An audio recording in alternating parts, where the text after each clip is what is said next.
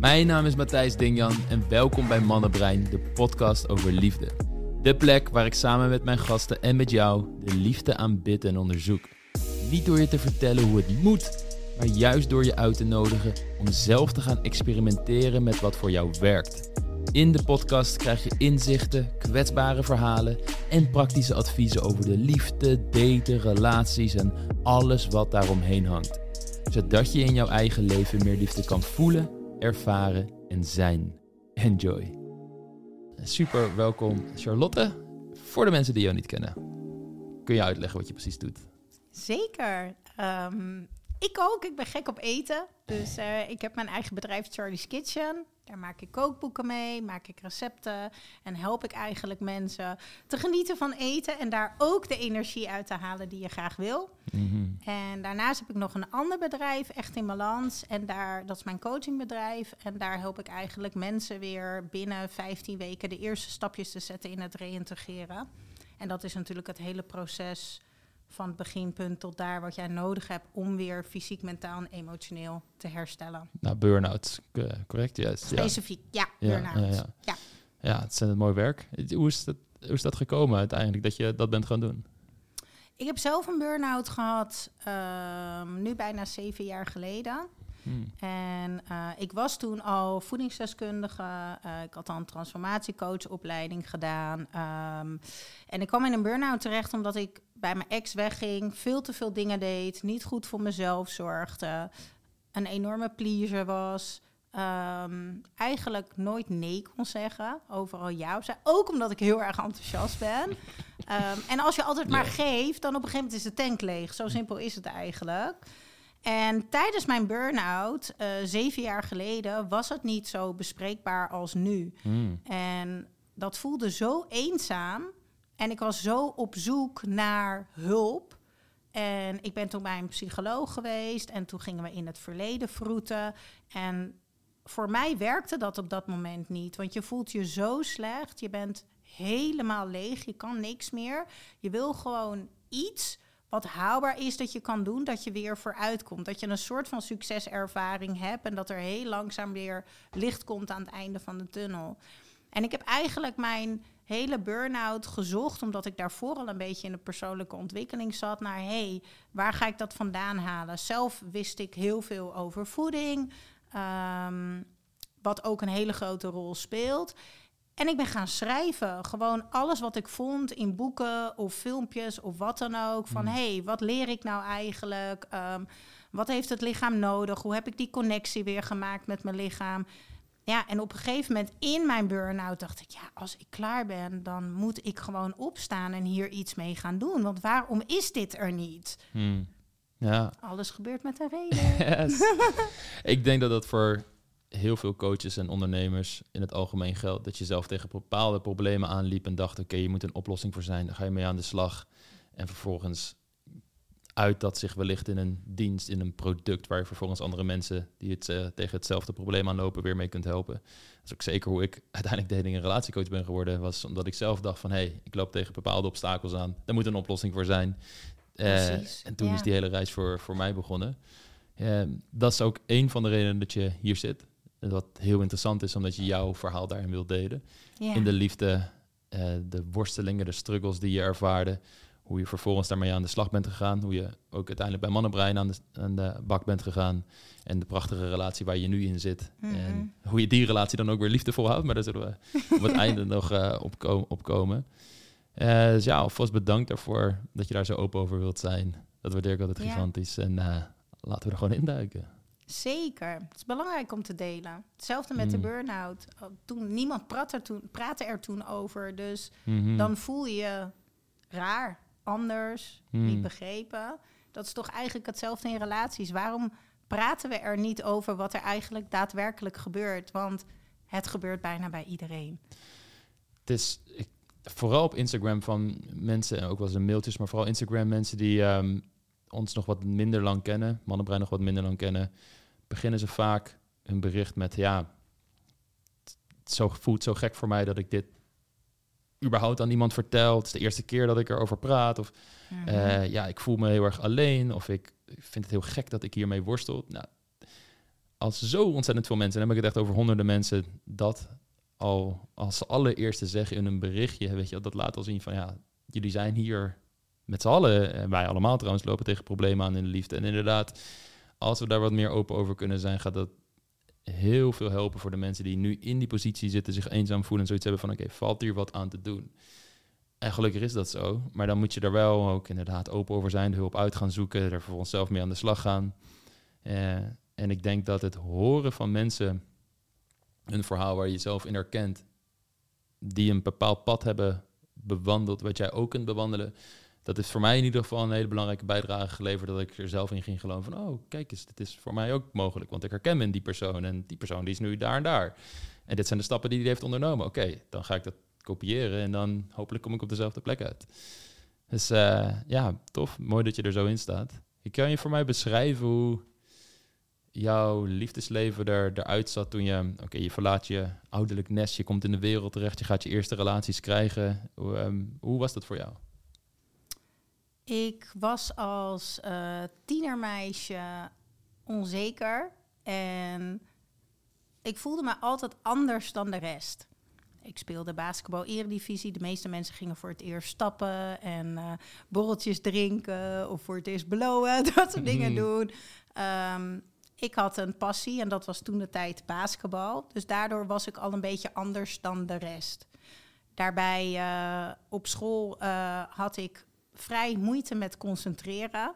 Uh, heel veel energie, heel enthousiast. Um, nou ja, tegenwoordig noemen we me ADHD-gekkie, maar toen de tijd hadden we geen idee. Um, en daardoor viel ik ook een beetje erbuiten, want heel veel mensen konden niet goed omgaan met mijn nou ja, toch wel heel erg aanwezig zijn. En ik was wel heel goed in creatief bezig zijn. En dan kom je dus in de wereld van je bent een tienermeisje, je gaat dingen voelen en je gaat iemand leuk vinden. En dat is natuurlijk allemaal spannend en leuk. Hmm. En ik heb toen mijn uh, eerste relatie gehad met uh, een, uh, een, een, hunk van school. Terwijl ik mezelf het nerdje van de school noemde. Maar ik kwam hem altijd tegen in de bus als ik op zondag werkte in Amsterdam van mijn bijbaantje. En uh, dan hebben we het over dat ik uh, 15, 16 was. Ik denk 15.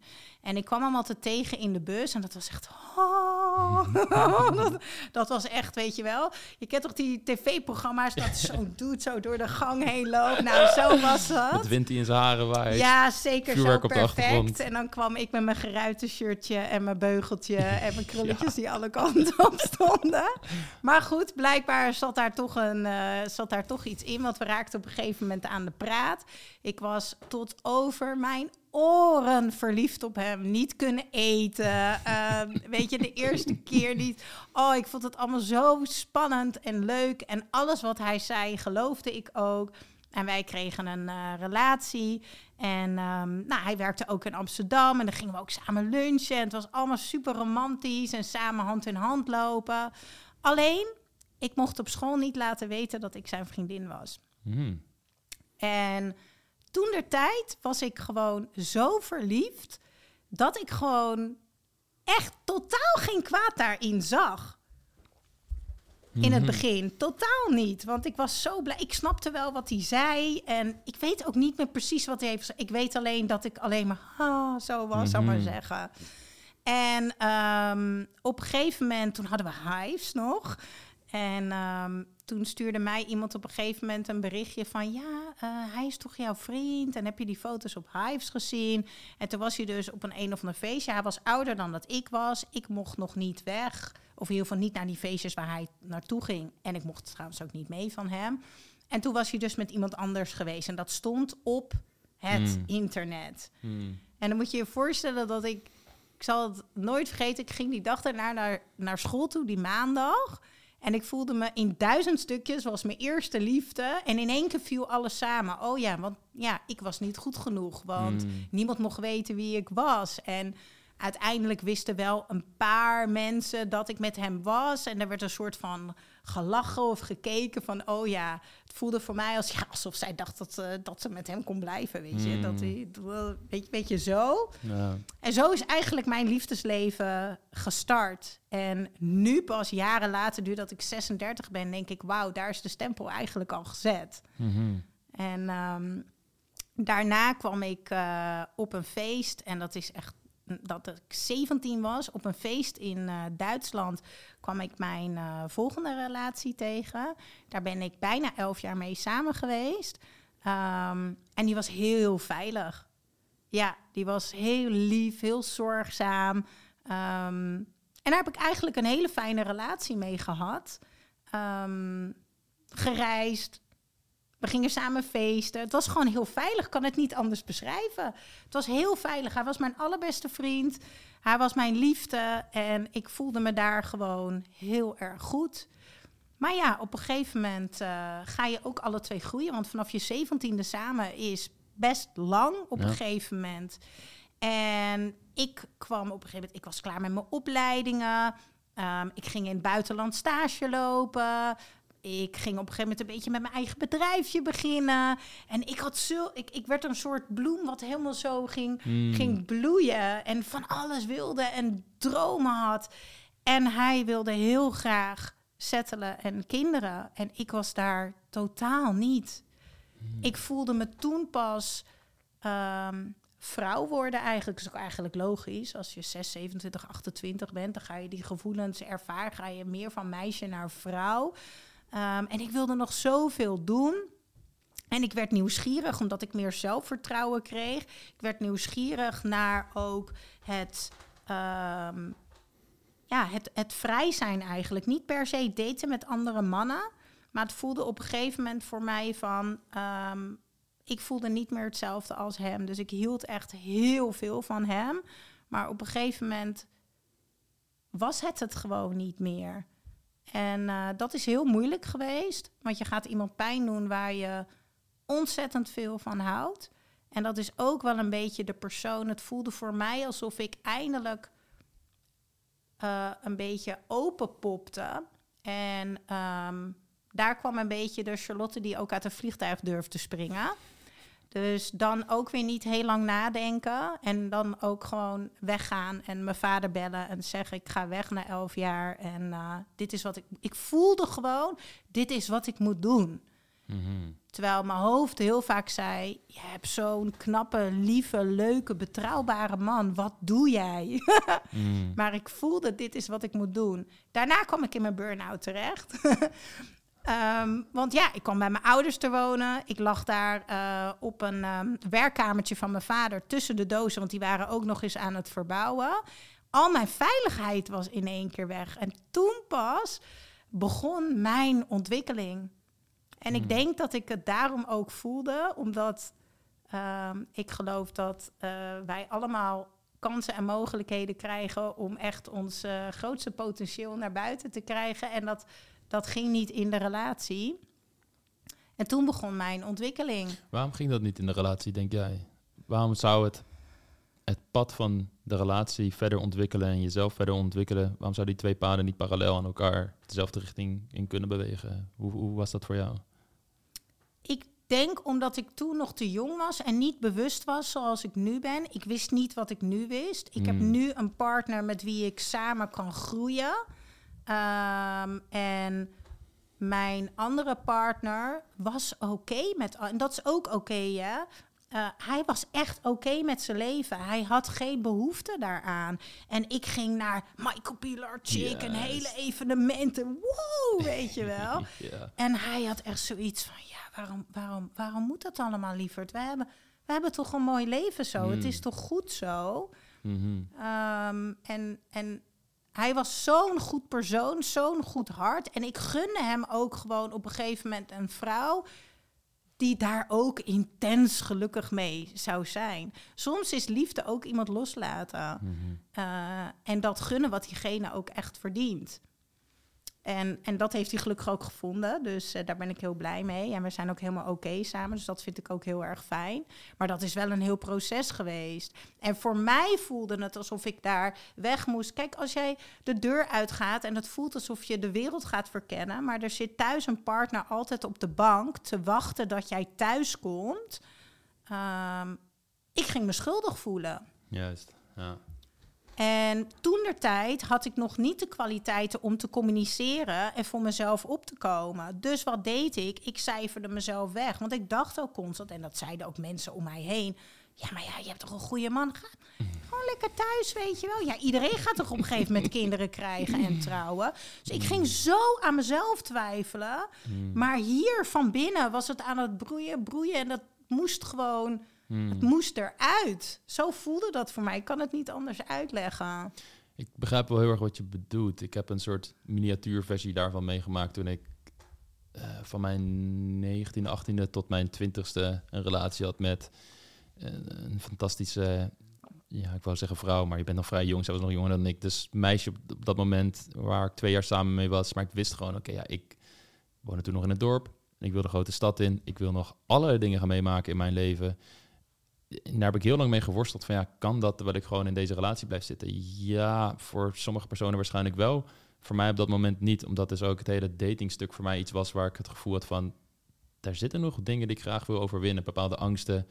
En de een of andere manier was dat zo betekenisvol voor mij dat ik dacht, oké, dan is het niet eerlijk naar mezelf en naar haar toe om in die relatie te blijven zitten. We zijn gelukkig ook allebei nog jong. Ehm, we hebben heel veel geleerd van deze relatie, dus oké, dan moet ik ook die stap zetten.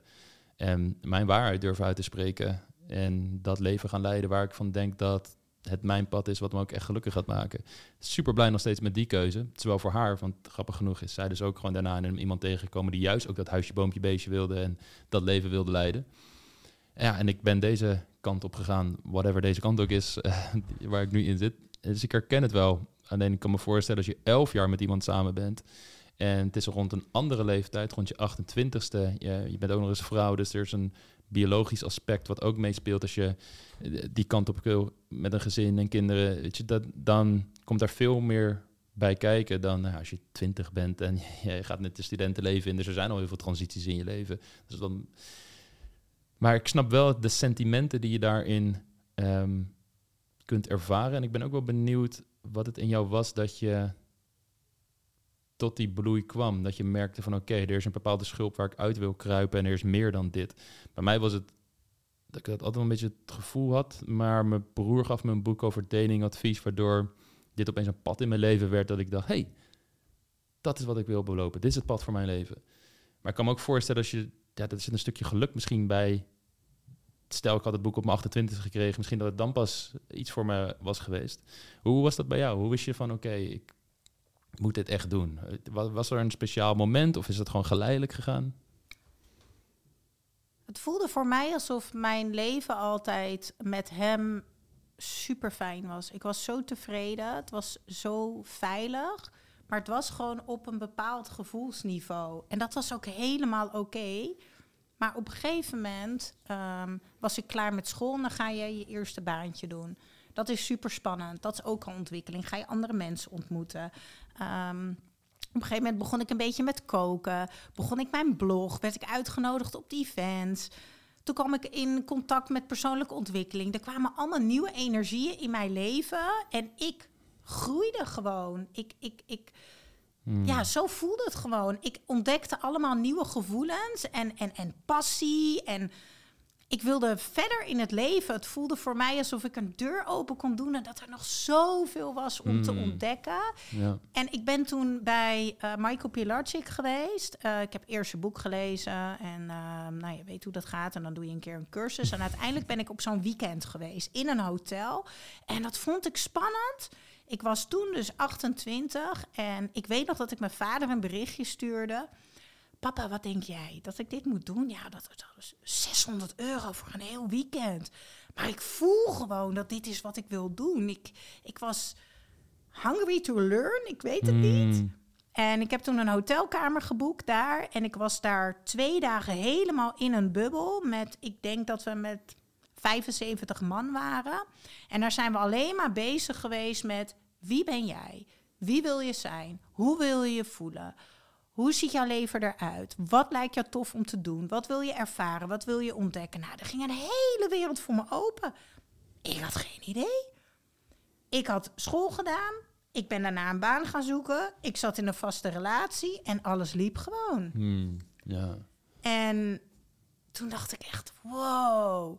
En toen zei hij op een gegeven moment op het podium: Ja, sommige mensen worden op een dag wakker. Ik weet niet meer de exacte woorden die hij zei, maar die worden op een dag wakker. Die zijn dan bij mij geweest. En die kijken dan naar een partner en die denken dan: Ja, is dit het? Nou, dat had ik dus de volgende dag. Ja. dacht ik. Thanks, Michael.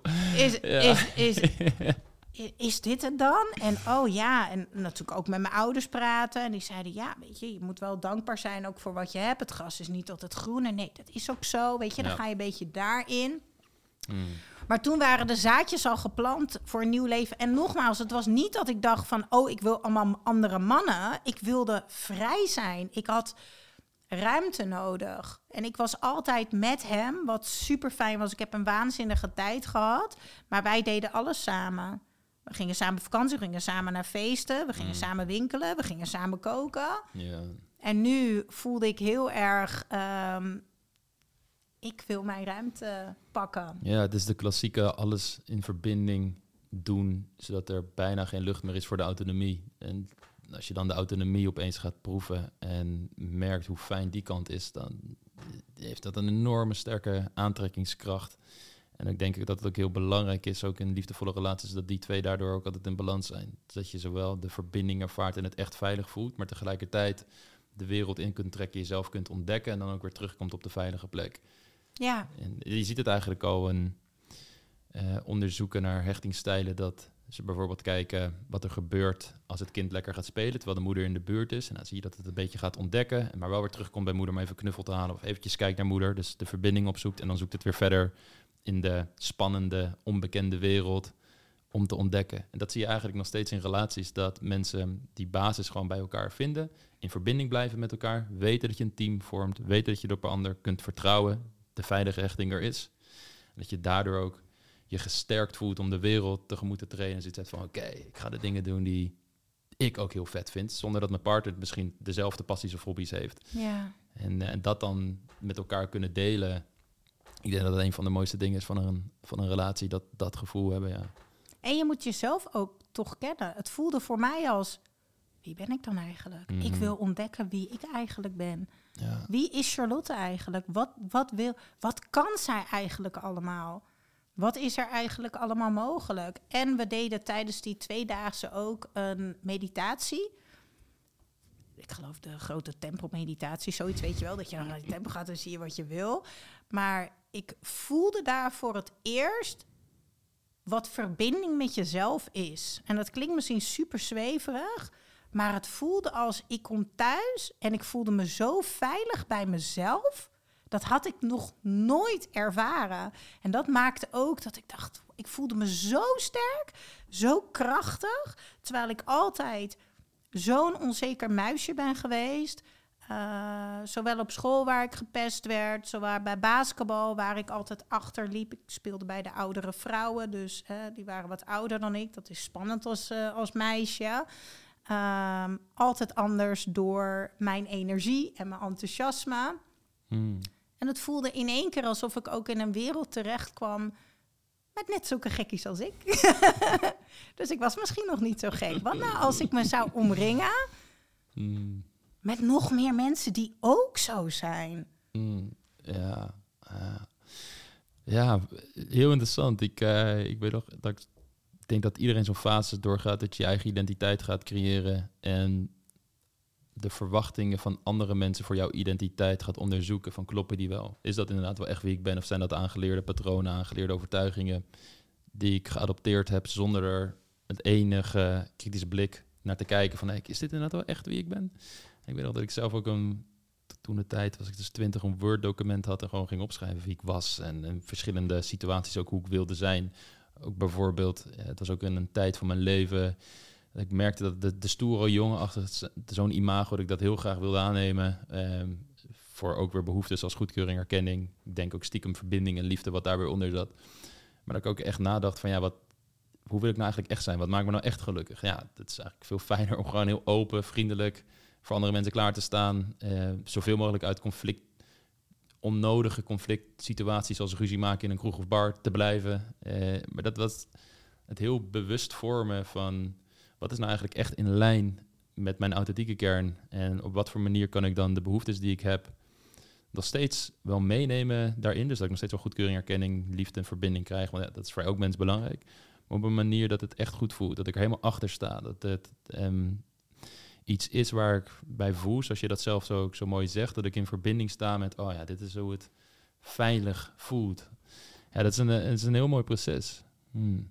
Interessant is dat je dus toen ook in een burn-out terecht bent gekomen. En dan gaat er natuurlijk nog veel meer op de schop van oké, dit hele proces krijgt dan volgens mij een slinger. Uh... Identiteitscrisis was het. Ja, dat is zeker de identiteitscrisis. Want dan, dan spring je in het diepe. Ja. Ja, en daar zit je dan. Mm. ja, nou, met je koffer bij je ouders. Met je, met je stoere mond. Nou, dan zit je dan, Charlotte. En nu? Ja. Ja, met je bedrijf, wat er net een beetje begonnen was. Dus niks. Ik had 0,0 nog veiligheid en zekerheid. Ik was gewoon woep, zo gesprongen. Hmm. En dat, uh, dat triggerde heel veel in mij.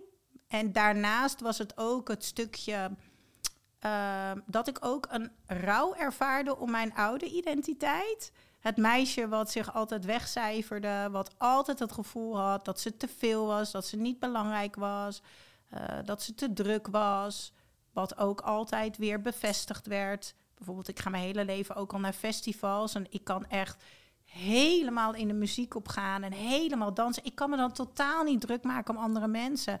En nu begrijp ik dat mensen die daar jaloers op zijn, dingen over zeggen. Maar toen was het altijd, nou, uh, zei ze ook als tegen mijn vriend, nou, uh, weet je wel.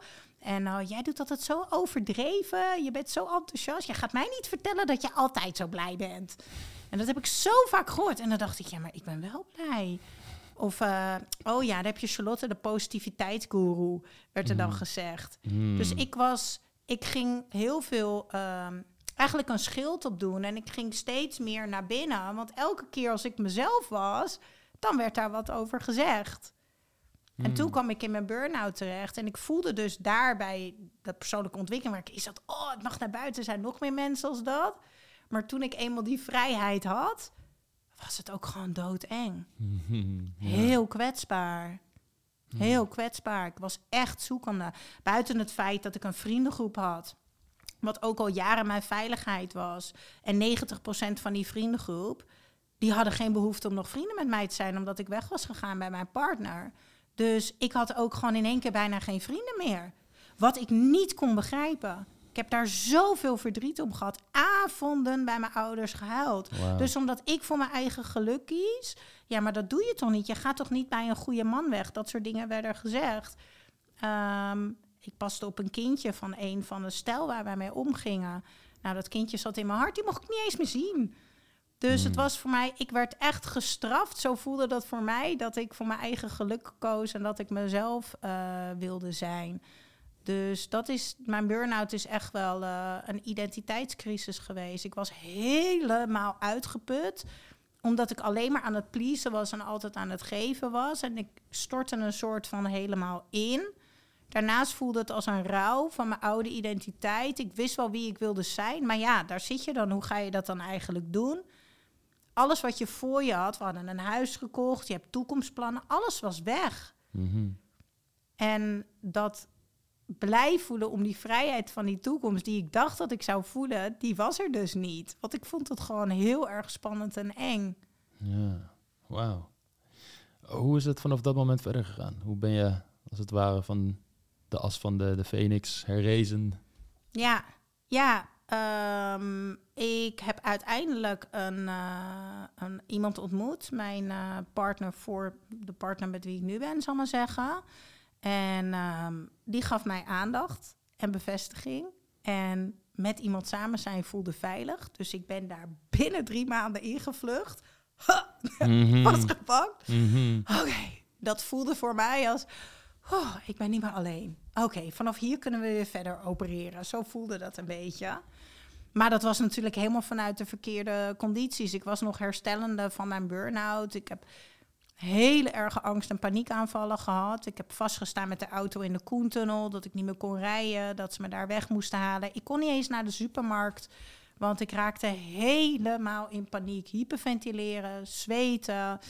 Um, en omdat ik ook niks meer kon en ik was alles kwijtgeraakt, ook had ik zelf die keuze gemaakt, kwamen daar ook gewoon eh, depressieve gevoelens bij kijken. Als er dan iemand op je pad komt die jou ehm, aandacht geeft, bevestiging en zegt dat het allemaal goed komt, ja, op dat moment klampte ik mij daaraan vast.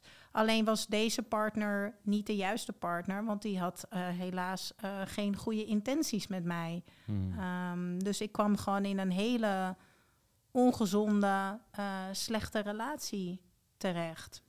Mhm. Dat is iets wat we vaak zien als mensen de bepaalde kernbehoeftes zoals veiligheid, verbinding, goedkeuring, erkenning niet meer ervaren in de directe relatie met zichzelf, de relatie tot hun ecosysteem van hun leven, dus de relaties met gewoon vrienden, werk en al die zaken, dat ze dat dan heel vaak kunnen gaan zoeken in een partner. En dat maakt je inderdaad heel erg afhankelijk en heel erg kwetsbaar voor mensen die helaas ook graag die rol voor jou vervullen.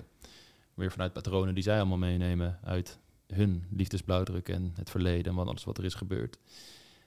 Dat kan je helaas inderdaad in, in ook in, in, een soort neerwaartse spiraal maken dat die relatie er dan eigenlijk voor gaat zorgen dat al die patronen vanuit waar je de relatie bent aangegaan alleen maar versterkt worden. Waardoor het heel lastig kan zijn om zo'n relatie los te gaan laten. Want ja, het is, hoe gek het ook klinkt, ook je enige veiligheid, als het ware, voorspelbaarheid.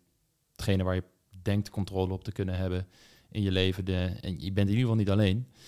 Eh, want je wordt alleen maar meer onzeker ervan. Dus je gaat steeds meer geloven dat je ook het leven niet zelf aan kan en die ander dus nodig hebt. Is, heb jij zo'n soortgelijk proces daarin meegemaakt? Hoe, hoe, hoe was dat voor jou?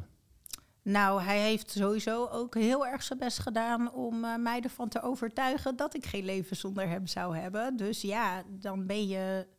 Uh, voor mij voelde het zwak en kwetsbaar op dat moment. En uh, hij was ook gewoon niet geheeld. Um, en ik denk dat dat samen gewoon heel erg toxisch was. Hmm. En, um, en, en, en geen goede intenties. En ik heb dat echt ervaren als. Het, leek, het lijkt ook wel, dan denk ik, daarvoor ben je eigenlijk zo weinig in een stabiele relatie tussen haakjes. En daarna kwam ik echt in de hel terecht, zo hmm. voelde het. Ehm, dus het voelde zeker alsof. Maar ook toen was ik nog niet zo bewust. Ik raakte mezelf echt helemaal kwijt helemaal. Zelfs minder contact met mijn ouders. Ik was helemaal opgezogen in die relatie en ook bang.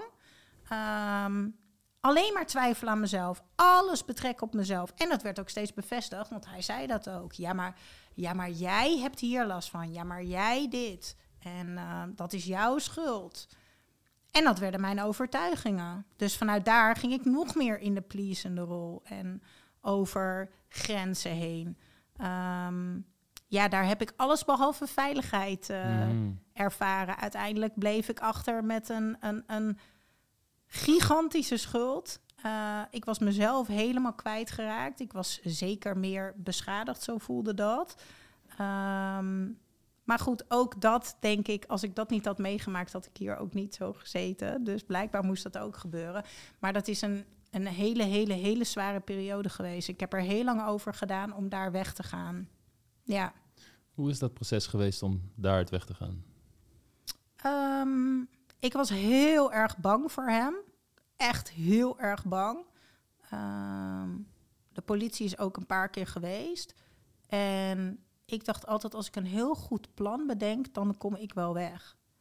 En ik vertelde het aan niemand, want ik dacht dat het aan mij lag. Hmm. Ik dacht, ja, maar dat hij uh, mijn geld afpakt of dat hij me pijn doet. Uh, dat is omdat, omdat ik me niet gedragen heb, omdat ik het niet goed doe. Dat was, dat was echt mijn overtuiging geworden. Totdat ik op een gegeven moment naar een evenement ging met iemand die ik had ontmoet bij Michael Pilacic. En um, ik was op dat evenement en hij bleef bellen. Altijd als ik weg was. Duizend keer bellen, honderd appjes. Met wie ben je? Waar ben je? Uh, dat soort dingetjes. Oh, er zijn zeker andere mannen, hè? Uh, oh, ben je daar met al die andere mannen in de wc aan het gaan? Dat soort berichtjes. En zij zag dat ik zo, zo zat op mijn telefoon en dat, dat dat snel wegdeed. En toen zei ze tegen mij: Oh, ik weet al met wat voor man jij gaat. Maar ik kende haar natuurlijk niet goed. Ik kende haar hmm. van een evenement. En dat maakte dat ik het haar wel kon vertellen. Ik had eindelijk iemand tegen wie ik kon zeggen wat er thuis allemaal speelde. En daar is het eigenlijk begonnen. Ik ben toen twee weken in haar huis geweest, maar uiteindelijk toch weer teruggegaan. Hij had namelijk een kind. En dat was hetgene wat ik heel erg lastig vond. Ah, ja. Ik wilde haar beschermen. En zij kroop 's ochtends naast mij in bed en zei: Maar je gaat dan niet weg, hè? Ja, mijn hart. En dan Hmm. dacht ik: Oh ja, misschien als ik dit doe of als ik dat doe. Dus ik eh, wilde relatietherapie en ik betaalde een therapeut voor hem en voor mij. En ik wilde er alles aan doen. Want ik dacht: Nee, ik heb als ik zeg dat ik voor je ga, dan ga ik duizend procent. En ik had haar in mijn hart gesloten. En dat is wel echt een van de hoofdredenen. Los van het feit dat ik heel erg bang was voor hem. Dat ik elke keer, eh, of ik denk drie, vier keer ben teruggegaan. Ja. Mm. Maar op een gegeven moment was het niet meer, ehm, was het niet meer te verstoppen. Want het werd steeds erger. De ruzies werden steeds erger. Wat ik zeg, op een gegeven moment stond de politie ook voor de deur. En op een gegeven moment, als hij een keertje naar het werk was, kwam de buurman bij mij. Gaat het wel, gaat het wel goed met jou? Ben dit niet gewend van jou. Dus op een gegeven moment gaan mensen ook praten. Op een gegeven moment hebben, eh, heeft- heeft mijn vader ook door, kwam mijn vader ook naar mij. Wat is hier aan de hand? Er klopt iets niet. Ehm, en ik ging liegen. Want ik dacht, als mensen dit weten, nou, dat kan echt niet. Mm. Maar toch, op een gegeven moment ga je er, hè, ga je er meer over praten. Ehm, en dat is een soort van, ik weet het niet meer precies, want het is ook een beetje een waas geweest die laatste zes maanden. Maar ik weet wel dat ik op een gegeven moment met mijn beste vriendinnetje voor eh, werk weg moest. En eh, ik mocht niet weg, uiteraard. En eh, zij heeft uiteindelijk alle deuren op slot gegooid. Dus zij zegt, nou, zo mag jij niet weg. Doe eens normaal. En hij gooide nog de koffer tegen haar auto aan. Dat was mijn koffer, die eigenlijk mee moest. En toen zei zij, oké, nu weet ik zeker dat er iets niet klopt. Jij gaat echt niet meer terug. En die heeft me toen naar mijn ouders gebracht. En toen, eh, vanaf dat punt ben ik niet meer teruggegaan. Mm. Ja, Wauw. Super blij dat dat soort mensen bestaan die je op zo'n moment onder hun vleugels nemen of in ieder geval uit zo'n situatie kunnen trekken. En hoe, hoe, ja, belangrijk dat vaak is om uit dat soort situaties te ontsnappen. Ik, ik zat nog te denken terwijl ik je dit vertelde. Ik ben benieuwd hoe jij dat ziet. Dat de situatie van de elfjarige relatie waar je voor jezelf hebt gekozen en eigenlijk voor jouw waarheid ging staan dat je daar zo'n negatieve ervaring eigenlijk overheen kreeg door het verliezen van al die vrienden en alles wat instortte, de schuld die jij in je schoenen gekregen kreeg, geschoven kreeg van oké, je maakt je de verkeerde keuze, wat doe je nou? Dan moet je allemaal op het moment dat je eigenlijk jezelf echt net aan het ontdekken bent, zo sterk in je schoenen staan om dat gewoon te kunnen observeren, observe- aan te kunnen, door te gaan, te blijven geloven in jouw waarheid. Dat je dan inderdaad heel kwetsbaar wordt voor een man die precies die knop nog eens eventjes in weet te drukken van hé, hey, jij zit inderdaad verkeerd. En eh, ja, dan, dan, dat is zo'n heftige situatie om in terecht te komen. Ik kan me helemaal voorstellen dat je jezelf daar uiteindelijk in verliest. En dat je daar best wel veel schade van, van oploopt. Maar gelukkig was die goede vriendin er. Je- zeker, hoe is het- zeker. hoe is het vanaf dat moment gegaan dat je... Oké, je komt uit die relatie, eh, je bent weer single, je gaat je leven weer oppakken, weer opbouwen. Hoe, hoe was het vanaf dat moment? Weer heel eng. En ehm, onveilig. Heel weinig vertrouwen. Eh, uiteindelijk bleek ook dat hij met vele andere vrouwen was geweest. Dus ehm, ik had in mijn hoofd ook gemaakt: het is mannen willen maar één ding. En ehm, nou, dat gaat mij niet meer gebeuren. Mhm. Ehm, maar ik denk wel dat ik. ik denk dat de schuld mijn redding is geweest. Want daardoor moest ik door. En ik ben heel erg goed in een plan maken. En ik ben ook heel goed in hard werken. Dus doordat ik dacht: oké, dit is wat het is. Dit is hoe ik eruit kan komen. Ehm, we gaan hiervoor. En mijn ouders die brachten af en toe eten als ik er even doorheen zat. En een vriendin kwam lekker een theetje doen. En doordat ik zo hard werkte, gingen mijn bedrijven poeh, Mhm. door, door het dak. En ik ontmoette zoveel mensen. Dus aan de ene kant zat daar zoveel pijn. Maar aan de andere kant heeft het me zo sterk... Een ik heb zoveel zelfvertrouwen gekregen uit waar ik vandaan kwam.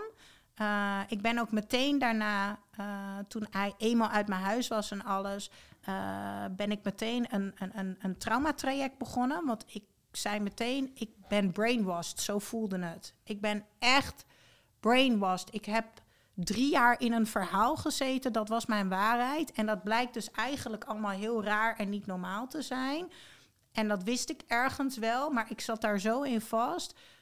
Als ik alsnog die Charlotte wil worden, wat ik toen voelde, moet ik nu meteen hulp nemen. Dus ik ben gewoon direct ook gestart met van alles. En ik ben dan begonnen met zo'n traumatraject en ik heb hypnose gedaan. Um, dus ik ben gewoon heel hard aan mezelf gaan werken en, en, en om uit die schulden te komen. En daardoor kwamen er weer nieuwe mensen op mijn pad. Um, en ik ben gewoon dingen gaan doen. Ik ben op retreat gegaan in mijn eentje naar Ibiza. Um, ik ben, een vriend van mij zat in Londen. Ik zeg, nou, ik kom naar je toe. En dat zeg ik nu allemaal heel stoer, hè? Want ik zat huilend op het vliegveld en ik vond alles super eng en ik had van mm. alles buikpijn. Um, maar er was weer dat gevoel wat ik toen ook had bij uh, de partner waar ik elf jaar mee samen was. Dit was er wel weer. Dan wijs ik naar mijn hart, want daar voel, voel ik altijd alles. Het voelde wel weer van, oh, nu, ik kan daar nog steeds komen. Um, dus eigenlijk ging dat zo goed. Achteraf denk ik te goed om uh, eigenlijk dat het eigenlijk zo kan zijn. Want, uh, en natuurlijk heb ik ook wel, op een gegeven moment wil je wel weer liefde.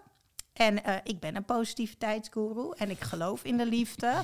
Dus dat geloofde ik, ondanks alles, geloofde ik wel. Ik ben een goed persoon.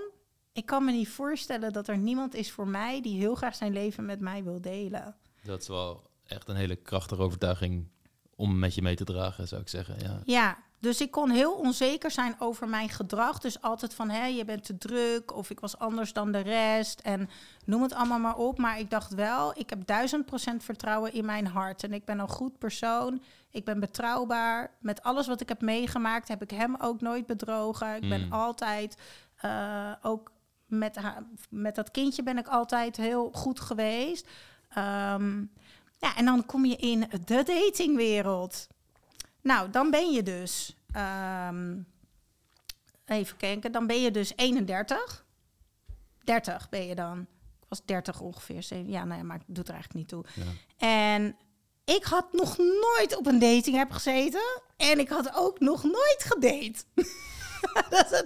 dus ik voelde me best wel een beetje een loser. Want ik had gewoon vriendinnen die al jaren aan het daten waren. Maar ik had dat gewoon nog nooit ervaren. Dus ik zal nooit vergeten op een avond zei een vriendin tegen mij: Ja, jij moet echt op Tinder. Tinder echt op Tinder. Nou, een flesje wijn, Tinder. Oh. Een flesje wijn ook. Ja, nou, ik moest eventjes. Uh, nou, profieltje leuk. Nou, op een gegeven moment heb je een match. Nou, toen had ik een of andere Griekse god had ik een match mee. Had ik mijn eerste date in Amsterdam. Nou. oh, het was echt... Oh, ik, heb er ook, ik heb er zelf ook een podcast over opgenomen. Het was hilarisch gewoon. Ik vond het super spannend en eng. Maar ik vond het ook leuk. Want het voelde als... hey, um, dit is ook weer levenservaring. Um, ik heb niet heel veel gedate, want ik was heel veel bezig met, met mezelf. Wat wil ik? Waar word ik gelukkig van? Um, wat, wat, wat voor vakanties uh, wil ik alleen doen? Ik ging gewoon dingen alleen doen. Hmm. Dingen die ik ook doodeng vond, hè? Alleen uit eten. Ja, fantastisch. Echt, vind ik heerlijk. Vind het ook leuk om met jou of met wie dan ook uit eten te gaan. Met mijn laptop gewoon in een hotel gaan werken. Of gewoon random denken, ik ga zaterdag in een hotel slapen met een sauna. Kan mij het schelen. Dus ik was heel erg het leven op die manier ook aan het ontdekken. En ik heb, ik heb een paar keer gedate, maar echt niet veel. Totdat ik op een gegeven moment uh, iemand ontmoette. Het was een vriend van een vriend van mij, uh, ook een chef, kookte ook. Vijf maanden superleuk gehad. Echt superleuk. En ja, ik had wel mijn onzekerheden, maar hij gaf mij superveel vertrouwen omdat er altijd verbinding was. En uh, omdat er altijd uh, aanraking was. Voor mij is aanraking belangrijk. Knuffeltje, handje, dat soort dingetjes. Um, en ik weet nog dan, als ik me veilig voel en als ik me geliefd voel, dan kan ik jou alle vrijheid van de wereld geven. Want ik heb zo'n hart om jou alles te gunnen wat je wil.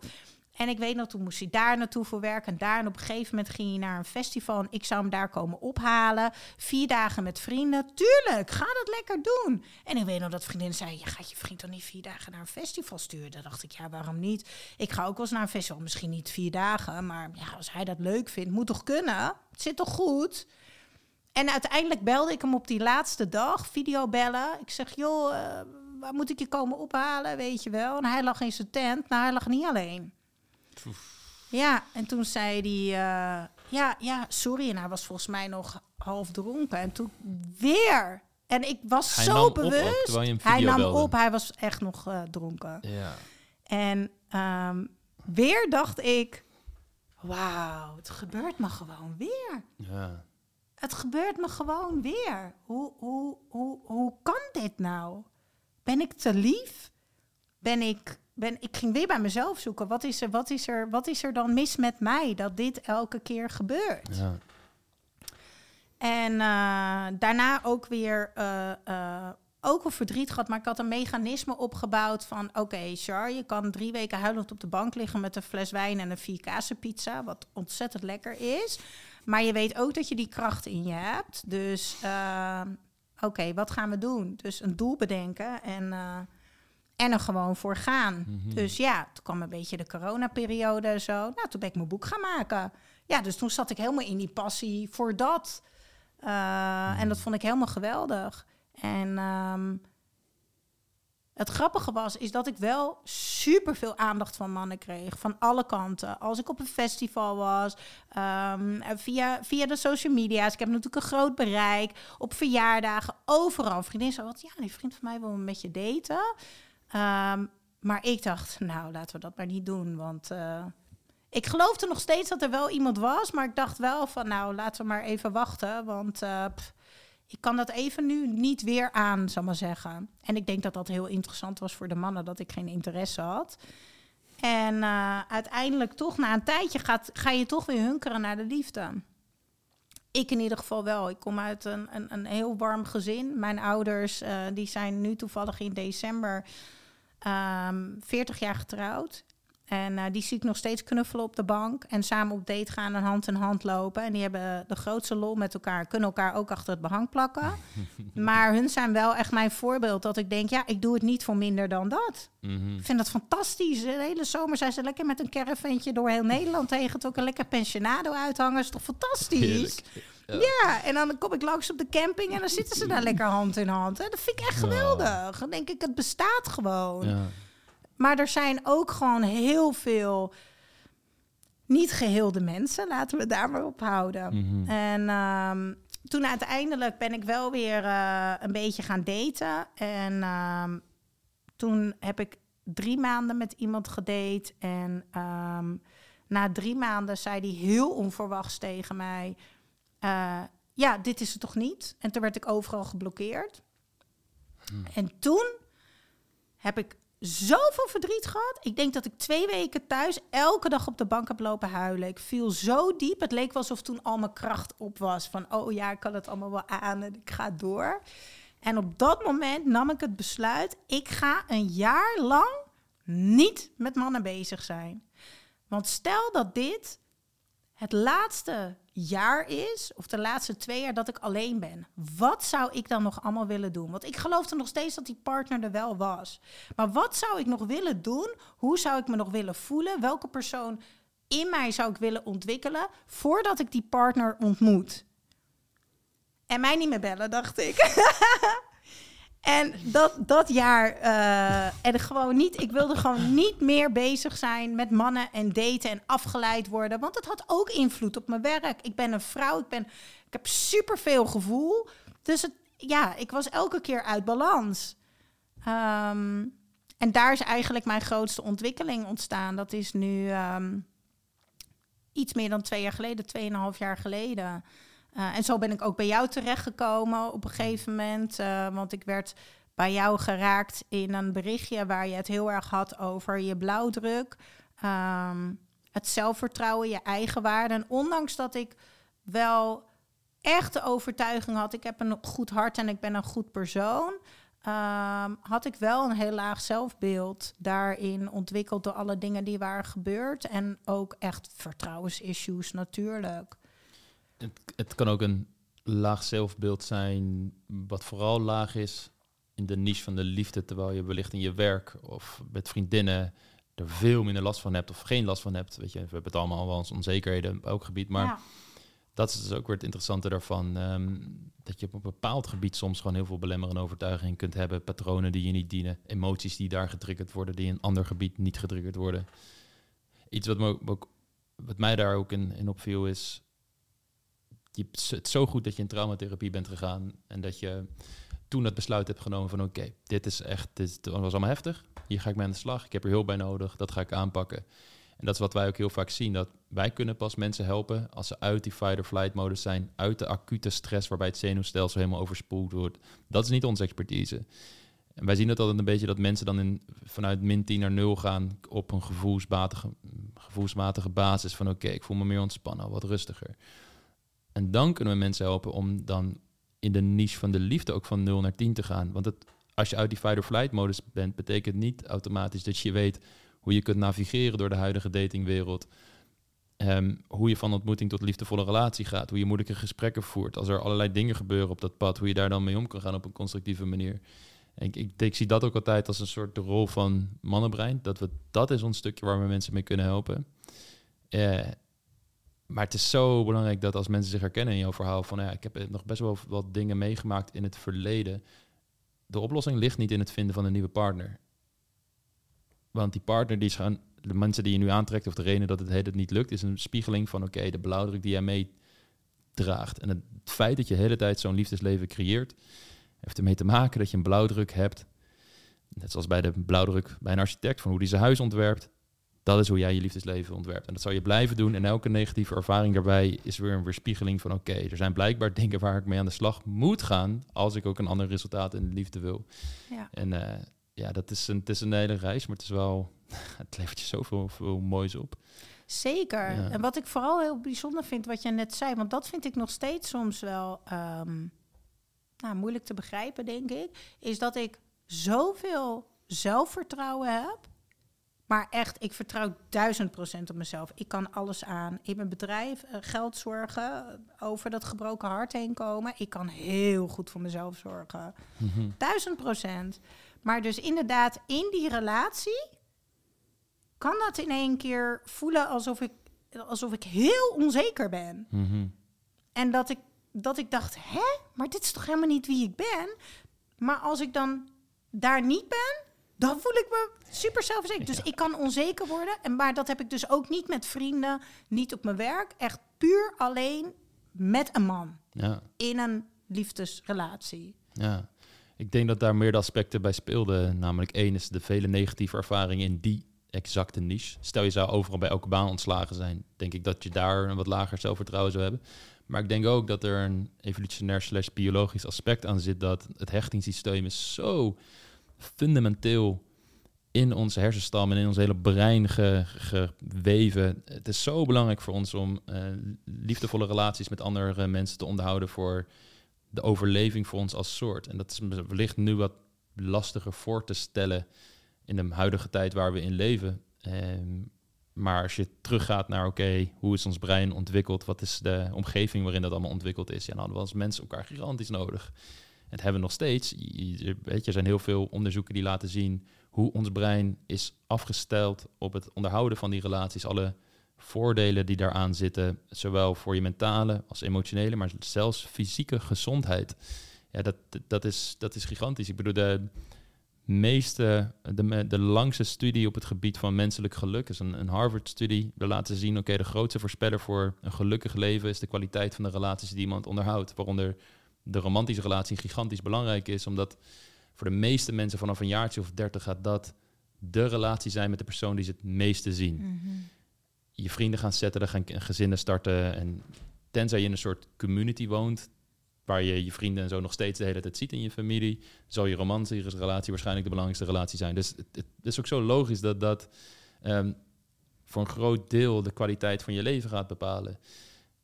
Maar als daar niet de juiste vaardigheden in geleerd zijn, en niet de juiste waardigheid in gevoeld wordt en je dus inderdaad met veel onzekerheden rondloopt, dan, dan is dat ontzettend lastig. En dan kun je, als je single bent, je leven best op de rit hebben. Ja. Want de triggers zijn er niet. Maar zodra die liefde dan mm, gaat komen, je gaat daten met iemand, dan kom je opeens weer in situaties waarin die triggers er weer gaan zijn. Worden die onzekerheden getriggerd, al die dingen die kunnen dan opeens naar boven komen. En er zijn ook gewoon hele normale biologische aspecten, zoals verliefdheid, wat een obsessief component heeft, wat dan opeens een rol mee gaat spelen. En dat wordt dan een soort cocktail waarin je jezelf best wel kunt verliezen. Tenzij je inderdaad dus hiermee aan de slag bent gegaan en een sterke liefdesblauwdruk ontwikkelt en merkt dat je die prachtige eigenschappen van de liefde kunt ervaren. De passie, de energie, de tintelingen door je lichaam. In combinatie met rust en stabiliteit. En jezelf er niet in verliezen. En nog steeds grenzen kunnen stellen als je het ergens niet mee eens bent. Maar dat op een manier kunnen communiceren. Dat je eh, ook niet in angst schiet van... oh nee, dat wil ik niet. Dus wordt dan, als dit zo is, dan ga ik bij weg. Weet je? Of, uh, oh nee, maar ik pas me wel aan om je maar bij me te houden. Het andere uiterste daar weer van. Maar dat je het gewoon kunt observeren van... hé, hey, oké, jij kijkt daar op zo'n manier naar. Wat interessant. Hoe, hè, hoe is dat dan voor jou? Dat je de ander echt rustig kan proberen te begrijpen... zonder dat je gelijk bang bent om die persoon te verliezen. En dan rustig bij jezelf gaat inchecken van... oké, hoe, is, hoe is dat eigenlijk bij mij? Misschien heb ik het antwoord wel... Uh, nog niet. En moet ik het eerst een beetje gaan verder gaan ervaren en even wat tijd gunnen. Ja, en dat is een relaxedheid die dan in de daten en de liefde komt. Dat als je dat gaat uitstralen, dat je ook merkt dat je mensen die nog wat heling te doen hebben, tussen aanhalingstekens, je gaat voelen dat zij een hele andere energie met zich meedragen. Waar jij niet meer mee matcht, omdat jij in jouw kern die rust en stabiliteit voelt in die liefde. En bijvoorbeeld zo'n man die jou veiligheid gaf. Ja, als jij nu zo'n man zou ontmoeten, je herkent het aan alles. Je ziet de signalen direct. En je denkt, oeh, daar moet ik uit de buurt blijven. En dan merk je dat je opeens een, een veel um, een datingpool overhoudt automatisch van mannen die ook al wat verder zijn of in ieder geval openstaan voor dit soort ontwikkelingen. En dan is er gigantisch veel mogelijk in de liefde. En kun je inderdaad op je oude dag als met pensioen uh, door een caravan door Nederland gaan, lekker hand in hand op de camping zitten. Ja. ja. Hoe, hoe um, dat, dat jaar dat jij besloot dat van oké, ik quit even met alle mannen. Het is uh, even klaar. Hoe, hoe ging het vanaf daar verder?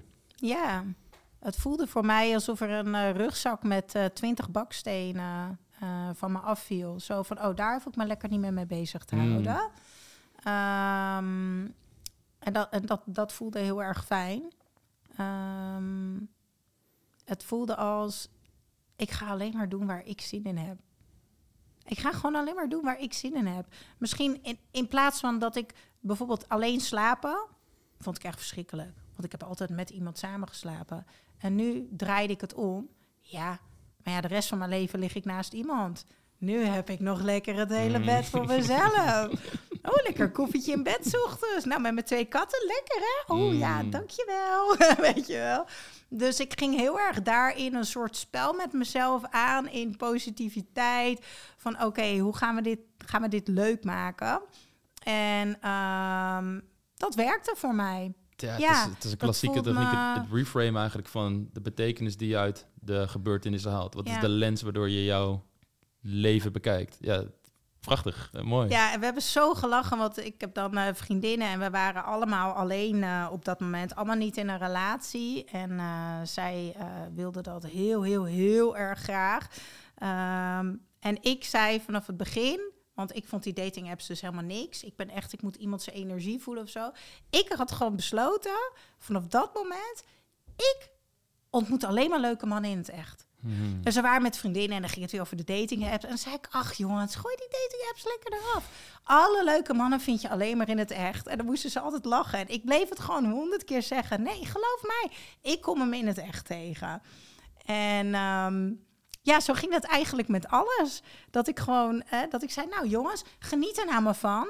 Want volgend jaar kerst zitten we met onze mannen aan tafel. En dan denken we, nou, uh, kunnen we ook eens een beetje wat meer tijd voor onszelf hebben of wat dan ook. Dus ik maakte elke keer geintjes erover, alsof ik al 100% zeker wist van oké, volgend jaar of dat jaar daarna heb ik die man en met hem ga ik de rest van mijn leven zijn. Dat besluit had ik gewoon voor mezelf genomen. En dat heb ik als een spelletje een beetje in leukigheid daarin gebracht. En uh, dat was heel erg leuk, ook omdat sommige vriendinnen daar op een gegeven moment ook een beetje in meegingen. En uh, dan liepen we ook ergens, gingen we ergens naartoe. Zeg, kijk dan, alleen maar leuke mannen overal. alleen maar leuke, betrouwbare mannen. En uh, als dan een vriendin zegt, ja, en ik heb een stomme date en niemand wil een relatie, iedereen heeft nog problemen. En dan zei ik, nee joh, er zijn zoveel mannen die zo graag een vrouw willen, zoals wij zijn. Geloof mij. Maar dan moeten we ze wel zien. Dan moet je niet meer naar dat soort mannen kijken. Mm Dus zo begon het eigenlijk een beetje. En op een gegeven moment, we hadden natuurlijk de, de coronaperiode en zo gehad. En ik wilde heel graag op vakantie. En ik had een, een cliënt die een eigen bedrijf was begonnen op Aruba. En die had er meerdere keren gezegd: kom gewoon lekker hier naartoe. Maar ik vond dat best wel spannend, want ik denk: ja, je bent mijn cliënt geweest. Gaat het wel met je? Gaat het niet met je? Naar de andere kant van de wereld vliegen. Ja, ik vond het allemaal natuurlijk weer hartstikke spannend. Ga ik dat dan niet meer eentje doen? Kost ook best wel veel geld. Uh, ik was nog niet helemaal uit, uh, uit de schulden. Uh, ga ik mezelf dat dan gunnen na, na, na die paar mm. jaar? Bla bla bla. En uiteindelijk heb ik twee weken, drie weken voor tijd, weet ik nog dat ik op de fiets zat en dat ik in één keer dacht: ik ga dat gewoon doen. Ik voel het. Ik zie mezelf wel helemaal onder die palmboom zitten, flamingootje erbij, cocktailtje erbij. Ik ga het doen. Dus ik stuurde haar een hysterische memo. Ik ga een vliegticket boeken. dus ik heb dezelfde avond nog een vliegticket geboekt naar Aruba. Voor uh, uh, 2,5 week, drie weken. En ik dacht, dit ga ik mezelf toch een partijtje gunnen. Want misschien is dit wel de laatste keer dat ik in mijn eentje op vakantie ga. dus ja, dat was super leuk. En um, nou, koffertjes gepakt. Uh, super zenuwachtig. Uh, naar het vliegveld alles. Uh, en uh, toen ging ik het vliegtuig in en ik dacht, oh, het is zo klein. Dan moet je tien uur in zo'n vliegtuig. Nou, echt. Hmm. Het zweet stond al op mijn rug. Het was niet echt mijn... Uh, maar goed, we, ik zeg altijd, zeuren mag als je maar doorgaat. Dus uiteindelijk zat ik daar en die plekken naast me waren leeg. En ik weet nog wel dat ik een foto stuurde en dat mijn vriendin zei... Nou, Wenna, dan ga jij natuurlijk leuke mannen in het vliegtuig ontmoeten. en ik stuurde nog een foto naar mijn moeder. Oh, super chill, ik zit er bij eentje, ik kan mijn benen neerleggen. En op een gegeven moment riep ze om... Ja, we wachten nog op twee passagiers. Nou, toen kwamen ze aanlopen hoor. Ja, dus die kwamen naast me zitten. En uh, ik was uh, behoorlijk druk. Ik had per ongeluk kauwgom gekocht waar cafeïne in zat. Dus het idee om te gaan slapen was helemaal kansloos. Dus uh, ik pakte mijn boekje en ik dacht, ik ga... Al, ik had allemaal ideeën. Mijn hoofd ging echt... Pop, pop, pop, pop, pop. Oh ja, schrijven, schrijven, schrijven, schrijven, schrijven. En hij zat er elke keer een beetje zo te kijken. En hij zei, nou, ik zal je niet lastigvallen hoor, of ik naar het toilet moet. En ik dacht echt, dat moet je er eens even niet mee. En ik ging echt een beetje zo, zo opzij zitten. En op een gegeven moment hadden we een tussenlanding op Bonaire. En ik weet nog dat hij... Ik hoorde hem zeggen tegen zijn vriend... Ja, als zij ook uh, op Aruba eruit gaat, uh, dan is ze van mij. Toen dacht ik, bah, mm. bah, wat een mm. arrogante... nou nee, dacht ik. En uh, nou, toen kwamen we aan op Aruba. En ik weet nog, hij ging helemaal netjes met me meelopen. Uh, hij komt van Aruba, hij woont in Nederland. Um, en, en hij moest op een gegeven moment daar ergens iets met papierwerk doen. En ik dacht, oké, prima, doeg. Want ik dacht, geen man die mijn vakantie gaat verpesten. Ja. Nee, nee. Wat Charlotte de Jong zag het alweer helemaal voor zich. Helemaal verliefd, onder een palmboom. En vervolgens met een gebroken hart naar huis en niet opgeladen. Nee, nee, nee. Geen man voor deze vrouw, dacht ik. dus ik kwam bij mijn vriendin in het appartement. En ik weet nog dat ik s'avonds een berichtje van hem kreeg. Want hij had me uiteraard op de gram gevonden. En mijn vriendin zei nog, oh, wat heeft hij gestuurd? Ik zeg, oh, die man uit het vliegtuig. ja. En dat is uh, twee weken zo gegaan op Aruba. Ik kwam hem uiteraard overal tegen. En hij was helemaal overtuigd um, dat ik zijn vrouw was. Ja, ik vond het verschrikkelijk op dat moment. Ik dacht echt, laat me gewoon met rust. Nee, dat gaan we niet doen.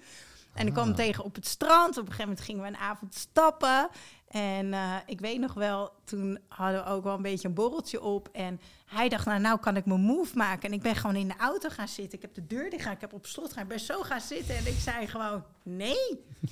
en mijn vriendin die stond wel gewoon nog buiten met andere mensen. Ik ben gewoon in de auto gaan zitten met mijn armen over elkaar. Nee, Nee, dat gaan we niet doen. Wauw. Hij, hij stond er buiten dan gewoon of zo? Ja, en uiteindelijk, ik was echt vervelend. Hij heeft echt twee, tweeënhalve week zo zijn best gedaan. Hij heeft alleen al twee weken zijn best gedaan om mijn telefoonnummer te krijgen. Ik zeg, nou, zullen we dat gewoon even niet doen? Mhm. En um, uiteindelijk kwamen we tegen op het strand en toen zei hij uh, tegen mij... Ik krijg echt hoofdpijn van jou. Hoezo krijg je hoofdpijn van mij? ik krijg echt hoofdpijn van jou, zegt hij. Maar alsjeblieft, mag ik je één keer meenemen op date? Als het echt niks is, laat ik je echt met rust. Nee. nee, maar gewoon één keer. Nou, ik zal erover nadenken. Mijn vriendin die moest een paar dagen, was heel druk. En ik ging in een hotel slapen. En daar was het happy hour. Dus ik zat lekker aan het zwembadje met mijn cocktailtjes. En na een paar cocktailtjes begon ik toch te denken... Hmm, wel leuk een tropische verrassing. de alcohol deed zijn werk. Toen dacht ik, ja, ah ja, één date. Wat kan er misgaan? Ik ga over drie dagen naar huis. Heb ik wel een leuk avontuurtje gehad. ik ben ook al van de avonturen. Zo ging dat. Nog een cocktailtje erbij. dus uiteindelijk heb ik hem een berichtje gestuurd. Oké, je mag met me op date, maar uh, dan moet dat wel vanavond en je moet me ook oppikken bij het hotel. oh, chill. Ja, en, uh, maar ik, om even uit te leggen, ik vond hem echt gewoon. Um, ik, wa ik stond er echt niet voor open tot dat moment. Dus ik heb geen één moment gedacht. Oh, wat ben je super knap. Of oh, je bent zo leuk. Want ik was echt gewoon nee. Maar toch is er iets wat je hem wel met hem in contact bleef en in ieder geval reageerde op zijn berichtjes. Ja, uh, nou, uh, hij stalkt mij. nee, maar dan kun je hem natuurlijk ook gewoon blokkeren en zeggen en echt zeg maar blijf in mijn buurt Engert. Eh, weet je wel? Maar, ja. maar er was dus ergens toch wel een bepaald soort. Ja. Misschien was het gewoon vriendelijkheid waardoor je reageerde hoor. Maar ja, nou misschien toch wel de aandacht. Ja. Ja, misschien dat wel. En en ik weet nog dat ik, uh, ik ging me gewoon omkleden zo. Ik was gewoon, ik was gewoon cool. en toen stond ik beneden te wachten. En uh, oh ja, en ik had ook nog tegen hem gezegd, ja, en je gaat niet drinken hoor, als we op date gaan. Want ik kwam natuurlijk elke keer een beetje met een borreltje op tegen. Als je met mij op date gaat, gaan we gewoon normaal gesprek hebben. Niet dat je hier uh, een beetje half aangeschoten aankomt. Ja, je zelf drie cocktails op had. ik had zelf al cocktails op. Oh, wauw. Echt achteraf. En, uh, en ik weet nog dat hij kwam aanlopen. En, en toen dacht ik, Waar, waarom voel ik dit? Hmm. Oh, hij is eigenlijk heel knap. Nee, nee, nee, nee, nee, dit gaan we niet doen. Oh, hij is wel heel erg leuk. Nee, nee, nee. Hè, hoezo voel ik dit nou in één keer? Hmm. Nou, dus, en ja, en toen uh, gaf hij me een knuffel. En toen dacht ik, oh nee, te laat. nee, te laat. Ja, en ik weet nog dat we, we gingen op onze eerste date en uh, het voelde gewoon meteen als thuis. Ja. Hmm. Ja, het was heel, het was heel apart. Ja. Maar ja, dan, dat is wat jij net zei, dan heb je zo hard aan jezelf gewerkt. Dan ben je zo zelfverzekerd en sterk. Maar het echte werk komt pas als je iemand ontmoet. Yes, absoluut. Ja, ja. En dit is ook het moment waar ik zelf al meer van af weet, omdat we daar natuurlijk ook uh, gesprekken over gevoerd hebben. Maar ja, hoe, hoe is dat contact vanaf daar verlopen voor?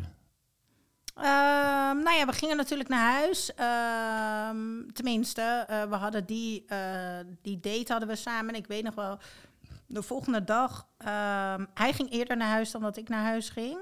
En ik weet nog wel dat hij mij de volgende dag naar het strand bracht waar mijn vriendin me kwam halen. En hij liep weg, huilen, huilen. En ik dacht echt, wat gebeurt hier? Nou, ik, ik, ik was helemaal, nou, in duizend stukjes was ik gewoon. Mm En um, want het voelde oh, het was zo fijn om weer dat thuis en veiligheidgevoel te hebben. En nou, ik, dat was echt super heftig. En toen dacht ik, oh, ik ga natuurlijk nooit meer wat laten horen. Zie je nou wel? Nou zit ik in het vliegtuig over twee dagen met een gebroken hart. Oh, ik ga natuurlijk niks meer horen. Zo ging dat hmm. natuurlijk. En toen kwamen we in Nederland en toen kwam hij uiteraard wel, uh, wel in de lucht. En uh, toen hebben we eerst uh, een paar maanden gedate. En dat was heftig en intens. Ik heb het ervaren als um, dat ik in de beginmaanden veilig en rustig was. voor hem, uh, waardoor bij hem juist heel veel eruit kwam.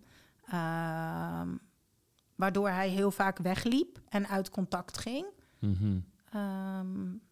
gooi er een label aan, bindingsangst, zo heb ik het ervaren. Ja. En uh, dat hoe vaker we elkaar zagen en hoe fijner het was, hoe heftiger dat ook werd. En um, toen dat eenmaal. Um, ik heb het geluk dat ik heel goed kan praten door alles wat ik heb meegemaakt. Door de hulp die ik heb gehad. En uiteraard ook door uh, het programma van jou, waar ik heel veel heb geleerd over mezelf. Liefdestalen, mm -hmm. uh, hechtingstijlen, uh, bindingsangst, verlatingsangst. Um, waardoor ik mij wel heel goed kon verwoorden. En omdat ik zo. Hij bracht mij op een een of andere manier. Uh, omdat hij in die angst zat, werd ik heel rustig en geaard. Mm -hmm. En ik dacht alleen maar: het komt goed. Uh, ik ben er gewoon, ik ga niet weg. En we kunnen praten. En de eerste paar keer had ik een dichte deur, maar op een gegeven moment begon hij ook steeds meer te praten en uh, dan is het een, een periode van ervaren en ontdekken hoe ga je een gesprek met iemand hebben. Want dat is ook lastig. Überhaupt iets durven zeggen is al een drempel. Ja. Maar dan, hoe ga je dingen zeggen? Joh, de eerste keer zat ik aan tafel. Uh, ja, uh, nou, ik wil dus even met je praten. Ja. Uh, weet je, stotterend en huilend. En ja, sorry hoor, ik ga misschien ook hyperventileren. Alles, de hele mikmak mm. kwam erbij. Maar ja, je moet ergens beginnen. Ja, je kan ook niet in één keer auto rijden, toch? 100%. Ja, dus je moet gewoon ergens beginnen. En zo begonnen wij alle twee te praten en begon er, begon er bij hem een heel mooi helingsproces en steeds meer verbinding uh, tussen ons eigenlijk. En um, dat is heel erg mooi. We zijn ook een periode uit elkaar geweest, want er is dus één moment geweest dat hij, uh, nou ja, echt helemaal op slot sloeg. Ja. Maar hij heeft wel altijd gezegd tegen mij: um, geef me nou gewoon even, want het gaat gewoon te snel. En, en ik wil het heel erg graag. Jij bent echt die vrouw, maar ik, moet gewoon, ik ben daar nog niet. Ik moet, ik moet nog aan mezelf werken. En ik was heel verdrietig. Uh, dat, dat, dat hij wegging, ook in een, een, een niet leuke ruzie, want het ging vanuit angst. Maar ik wist wel ergens diep van binnen dat het goed kwam. En dat was ook zo, want hij heeft gewoon aan zichzelf gewerkt. En paar maanden later uh, stond hij op de stoep. Um, en dat vind ik super aantrekkelijk. Dat een mhm. man uh, bereid ook is zichzelf aan te kijken en aan zichzelf te werken. Maar met mij ging het nog steeds best wel goed. uh, totdat hij stabiel werd. Toen werd hij stabiel. En kwam er een bepaalde rust. Um, en ik weet ook nog uh, dat mijn... Uh, ik had een hele, hele, hele speciale band met mijn omaatje. En mijn omaatje is helaas overleden. En voor mij voelde het echt alsof vanaf dat moment... Zij was echt mijn... Als ik me alleen voelde, rot voelde... Als ik liefde nodig had, ging ik naar mijn oma. Ik zag haar mm. elke week, twee keer per week. Zij was echt mijn mijn veiligheid, mijn liefde, mijn alles. En dat zij overleed en ik was met hem en hij was rust. Ik leek wel alsof ik opnieuw in een crisis terecht kwam. Joh. Ik hmm. was één grote triggershow. Echt, nou de kaartjes werden verkocht. Het leek wel alsof iedereen op de eerste rij kon zitten. En ik kwam echt mega in de verlatingsangst. Maar echt uh, tot huilen op de grond. Gewoon echt huilend op de grond liggen. Ik wil niet dat jij weggaat. Ja, en dan denk je, nou, dat is wel een beetje jammer, want ik heb zoveel aan mezelf gewerkt. Mm. Blijkbaar is er nog wel zoveel werk te doen. Mm. Wat is uh, de reactie die Harry daar toen op gaf? Hoe, hoe is dat toen tussen jullie gegaan? In het begin is het heel moeilijk geweest, want we kwamen terug bij elkaar en we wilden het weer heel erg graag. Alleen hoe, waar ik in terecht kwam, mijn onzekerheid, want wel omdat hij uh, weg is geweest, werd mijn vertrouwen gebroken. Dus toen ik met hem aan het daten was, ging ik er gewoon weer met 100% vertrouwen in. Maar daar was wel een stukje vertrouwen weggegaan, want hij kon dus blijkbaar wel weggaan. Um, en hij blokkeerde van mijn emoties. Ik denk, dat, ik denk dat heel veel mannen het lastig vinden als een vrouw een organen aan emoties. Dus, uh, Wat Mm. helemaal zo een tornado van eh, eh, emoties. Maar hij blokkeerde, terwijl wat ik nodig had is pak me vast. Ehm, en hoef je nog niet eens te zeggen dat het goed komt. Maar dat was stap 1. Pak me vast, loop niet weg. Ja, en hij wilde mij geen pijn doen. En dacht, oh nee, oh, dat, ik heb het niet goed gedaan. Dus hij werd ook weer getriggerd. Ja, wat ik zeg, het was één triggershow. Mhm. Dus dat was in het begin ehm, heel erg zoeken. Maar ik denk dat onze kracht is dat, eh, dat het in ons hart goed zat, of goed zit. En dat we er wel elke keer weer over praten. En elke keer pakte ik toch weer de telefoon. Of ging ik naar hem toe en zei ik tegen hem: Sorry, ehm, ik weet niet precies wat er allemaal gebeurt. En ik gooide gewoon letterlijk op tafel welke gedachten die er door me heen gingen. En waar ik bang voor was. En in één keer kwam er heel veel van mijn ex naar boven. Ja, maar hij eh, ging weg en liet me thuis alleen achter. Hij liet me alleen in bed. En dat wil ik niet nog een keertje. Er kwam in één keer kwam. Ik had dat hele stuk van mijn ex had ik helemaal had ik nog niet omgerouwd, zal maar zeggen. Want ik was gewoon hard werken uit de schulden. Let's go, ik ga mezelf werken. Maar ik moest ook nog huilen. Dat stuk Mm. moest er gewoon nog uit. Ja. Dus door daar heel erg over te praten samen. ehm, praten, praten, praten, praten, communiceren, communiceren. Oh ja, liefdestalen. Oh, nou, hij wist nog niet wat het was. hey, hoe zou je het vinden als we samen een podcast erover luisteren? Of vind je het fijn als ik je een tip geef waar je het kan luisteren? En nee, ik vind het fijn als je het mij uitlegt. Oké, op de bank. Lekker happy wijntje erbij. Gewoon ook, weet je, niet alles zo zwaar en beladen maken. Want ja, de momenten dat het triggerde was al super heftig. Hey, oké, wat is voor jou eigenlijk liefde? Wat heb jij van mij nodig? Dat jij je geliefd voelt, weet je wel? Oh ja, ja, ik vind het heel erg fijn als je dit of dat doet. Ik, zeg, ik vind het echt heel erg fijn als je me gewoon vastpakt. En niet meteen begint, hoe gaan we dit oplossen? Hoe ga jij je beter voelen? Wat hij vanuit alle liefde natuurlijk deed.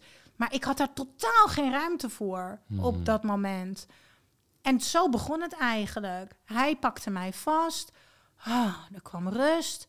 En dan kon ik tegen hem zeggen: Oké, nu kunnen we het hebben over een oplossing. En zo zijn we eigenlijk met alles gewoon, echt met alles. Eh, bijvoorbeeld, ehm, ik vond het heel, heel erg moeilijk om alleen naar bed toe te gaan. Ik lag echt met hartkloppingen in mijn bed, omdat het voor mij echt voelde alsof ik verlaten werd. Ehm, dus ik heb op een gegeven moment ook gezegd: dit is echt ook iets wat ik ook met andere hulp wil aanpakken. Dus ik ben weer teruggegaan naar die persoon met hypnose, waar ik toen ook eh, sessies heb gedaan.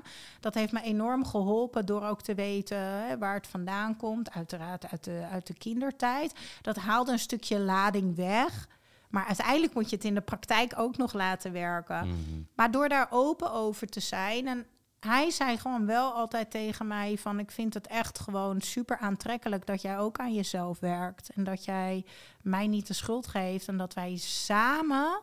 En dat geeft mij een veilig gevoel dat wij samen iets aan het creëren zijn wat voor ons werkt. Daar mag iedereen iets van vinden, maar wij tussen deze deuren gaan samen iets ontwikkelen wat voor ons werkt. En ehm, daarin dan ook gewoon praten. Oh, wat vind jij dan fijn? Want ja, ik ging veel vroeger naar bed en hij ehm, veel later. Ja, ik zou het in het begin fijn vinden dat je mee naar bed gaat. Koop desnoods een tv in de slaapkamer. Ga in bed nog tv kijken of op je telefoon. Maar dat je naast me ligt, vind ik nu nog fijn. Nou, dat ging goed. En op een gegeven moment werd het van... oh, ik vind het fijn als je wel over een uurtje naar boven komt. En zo gewoon heel langzaam. Dus niet van, nou, dat moet je gewoon alleen kunnen. Mhm. Hè? Ja. Eh, eh, wat ook zeker geroepen is in het begin. Hè? Op het moment dat je in die trigger zit, schreeuw je van alles tegen Ja. elkaar. Tenminste, hij heeft nooit geschreeuwd. Ik heb heel erg geschreeuwd. Ehm, Ja, dat is gewoon zo. Heel erg geschreeuwd, heel erg gehuild. Hij was meer van het blokkeren en, en, en, en, en de rug toekeren. En nu nog een heel mooi voorbeeld, want inmiddels zijn we twee jaar verder. Maar van de week hadden we ook eventjes iets eh, vlak voordat we naar bed gingen. Ehm, en toen liet ik hem heel even en toen kroop ik tegen hem aan en toen zei ik... ehm, zullen we wel gewoon in liefde en verbinding gaan slapen en niet, niet boos? Hè? Eh, want dat voelde voor mij als, oh, dat zou ook nog mogen helen. En toen zei hij, laat mij heel even, ik kom zo. En toen is het gewoon goed gekomen. Toen zei ik de volgende ochtend, ik ben zo trots op ons. Mm. Want ook, ook nu leren we nog en zoeken we een weg die werkt. Mhm, Ja, dit is voor mij de kern van hoe liefdevolle relaties eruit zien. Dus dat beide partners elkaar helpen om die delen bij elkaar aan te spreken. Waar ze ook echt trots op zijn, die goed voelen. Die een beetje voortkomen, om het zo maar te zeggen, uit het soort hogere goed wat ze willen nastreven in het leven. Dus die zelfontwikkeling. Ehm, wat ik niet bedoel als een soort optimalisatie van jezelf, dat je wel je doelen bereikt, maar meer van oké, wat is voor jou nou echt belangrijk? Leef je volgens die waarden die je, zoals verbinding, en weet je dat in je relatie te brengen. En als je dat bij elkaar naar boven weet te halen, dus dat zo'n sterk fundament van de relatie, omdat je ziet dat je jezelf kunt blijven ontplooien, ontdekken, ontwikkelen in die relatie. Het biedt heel veel vrijheid daardoor en er is heel veel te ontdekken, maar tegelijkertijd is er de veiligheid. En oké, ik heb ook iets vertrouwds en iets voorspelbaars. En ik, ik zie dat hier een fundament is waar ik op kan vertrouwen en op kan leunen. En ja, dat kom je weer op veilige hechting. Dat is exact wat dat is. En eh, daar zit nog steeds af en toe een heftige schreeuwpartij in, waarbij je dingen zegt. eh, het zijn geen hele heftige dingen dan meestal, weet je wel. Op een gegeven moment gaat dat ook wel minder worden, dat de heftigheid van de dingen die je zegt. Het is veel, min, ve- veel Yes, minder dus heftig. dat, dus, dus Veel nog steeds wel een, een... Maar het kan nog steeds voorkomen dat je af en toe dan nog steeds iets zegt. Maar je denkt, ah, hm. maar dat kan er zijn, omdat jullie dan vervolgens dan weer de ruimte weten te creëren om daarop terug te komen en daar de connectie weer op te zoeken, excuses te maken als die op zijn plaats zijn. En daardoor vanaf dat moment weer verder te groeien. En, ja, en dan merk je elke keer dat het maar blijft verdiepen en blijft doorontwikkelen. Mhm. Zonder dat dat een soort doel is wat je heel bewust moet nastreven. Van "An- anders is het niet goed genoeg. Maar het gebeurt automatisch omdat het goed voelt. En je er beloningen voor krijgt door de liefde die je ervaart. De, de rust die je ervaart in de, in de relatie. De tintelingen van verliefdheid. Die op eh, meestal in dat soort relaties ook nog ja, na ja, vele die zijn er jaren juist super heftig. precies heel sterk aanwezig kunnen zijn. Ja. Ondanks dat. Omdat je samen groeit en omdat je Ja. je zo geliefd voelt. En eh, ik denk dat het heel erg belangrijk is dat je uitgaat van de juiste intentie. En dat heb Mhm. ik wel echt van hem geleerd. Dat hij op een gegeven moment tegen mij zei: Zou je alsjeblieft kunnen proberen? Dat ook al doe ik het niet goed. Eén, ik ben ook aan het oefenen, maar ga eens uit van de juiste intentie. Oh ja, oh ja, inderdaad. Ik kan ook. Oké, dus wat er nu gebeurt. Stel, hij, ik ga wel uit van de juiste intentie. Hè, bijvoorbeeld het stukje, hij wil het meteen oplossen. Dus als ik op de bank crash, helemaal huilend, want ik heb een heftige dag gehad en ik ben super overprikkeld, wat wel is gebeurd bij mij. Ehm, en in plaats van dat hij me vastpakt en zegt, oh schat, ik begrijp het. Eh, ja, maar ja, hoe ga je dat dan oplossen met je team? En eh, ja, je kan dit doen, je kan dat doen, honderd ideeën. Nou schat, ik denk dat je het zo kan oplossen. Pff, dan maar zeggen, dat in je hoofd. Maar het feit dat ik dan dacht, oh, maar hij bedoelt het supergoed, want hij wil me super graag helpen. Mhm. Oké, dus vanuit dat, dan zak je al. En dan wordt het ook zoveel makkelijker om aan te geven... hé, hey, ik zou het zo fijn vinden als je me eerst even vastpakt... want mijn hoofd is even vol, dus ik heb geen ruimte voor die oplossing. Maar als ik even ontspan, dan komt er daarna wel eh, eh, ruimte. En dan vind ik het heel fijn dat je mij ook helpt. Mhm. Ehm, en ik denk dat dat heel erg belangrijk is. Dat je naar dat positieve kijkt van elkaar. En dat je je kwetsbaar durft op te stellen. En ik kan het soms nog steeds niet geloven. Maar ehm, ik deel alles met hem. Ik zeg alles eerlijk. Hij heeft ook echt een eigen leven.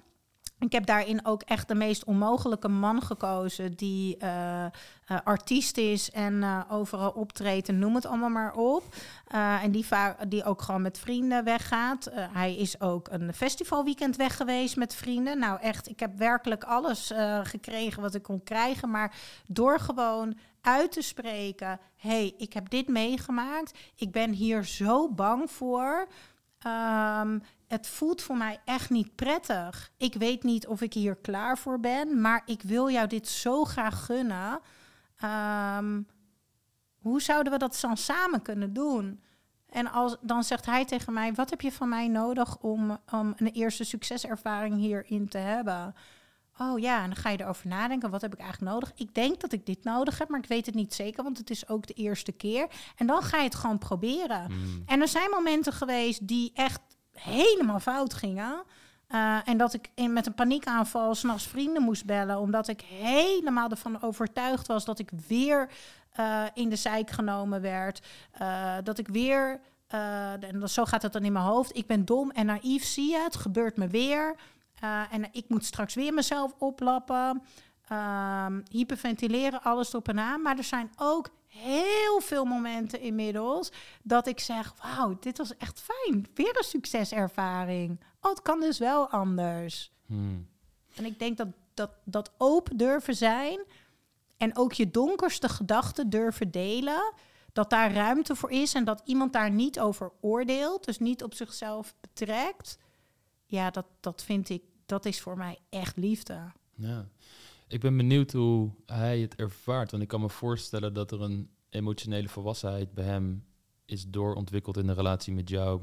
Mhm. En bijvoorbeeld, het is heel lastig om je partner te zien als ze een zware dag heeft gehad en ze moet huilen. En ze, ehm, vooral vanuit een, een mannelijk perspectief, kom je dan inderdaad heel vaak met: oké, er is nu heel veel pijn, dat moeten we wegnemen door met oplossingen te komen. Dus lekker vanuit dat rationele stuk erop ingaan. Ja. En om dan te leren om in je lichaam te zakken, rustig te worden, kalm te zijn, er vast te pakken. Dat vereist een stukje ontwikkeling bij jezelf, dat je die ruimte kunt bieden waarin die emoties er gewoon kunnen zijn, zonder dat je er zelf ook overspoed door, door wordt en er mhm. eigenlijk door ongemakkelijkheid misschien een reactie op geeft dat het dus niet welkom kan zijn.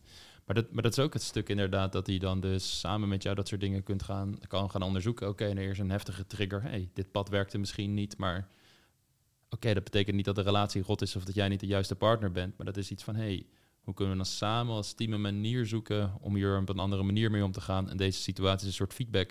Ja, dat, dat is echt wat het betekent om een team te vormen en terug te kunnen vallen op je partner. Het is uh, heel mooi om dat te horen. Ik denk dat het ook aan, aan de vrouw is om.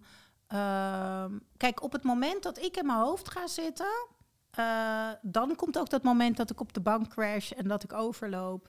Uh, en ik denk dat het uh, als vrouw ook de taak is om dus die veiligheid en zekerheid aan jouw partner te geven, dat die naar beneden kan zakken, zodat je die emotionele verbinding kan maken. Oh, ik heb zo vaak tegen hem gezegd, ik kan niet emotioneel met je verbinden. Ik wil, ik wil emotioneel met je. Jij moet ook emotioneel ontwikkelen.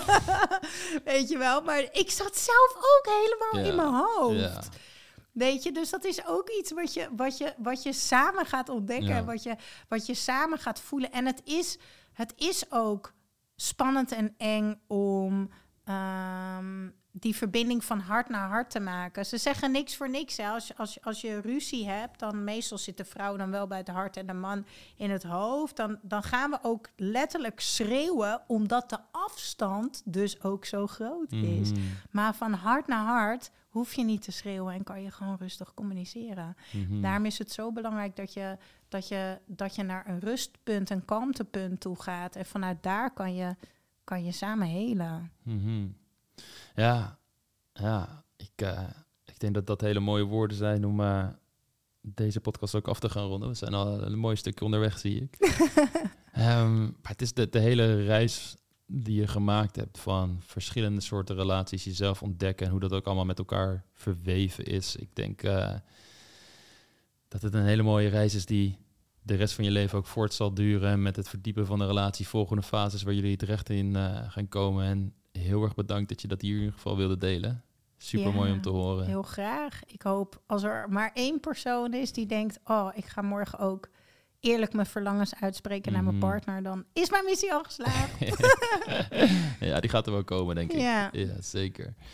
Heel erg bedankt. En uh, voor de mensen die meer over jou willen weten, nog over wat je doet met Charlie's Kitchen onder andere, waar kunnen ze jou het beste vinden? Um, nou, natuurlijk gewoon op uh, Instagram. Ja. Instagram. Super. Ja, Charlie's Kitchen en uh, Echt in Balans. Ja. Gaan we linken in de beschrijving. Ah, superleuk. Yes, dankjewel. Heel graag gedaan.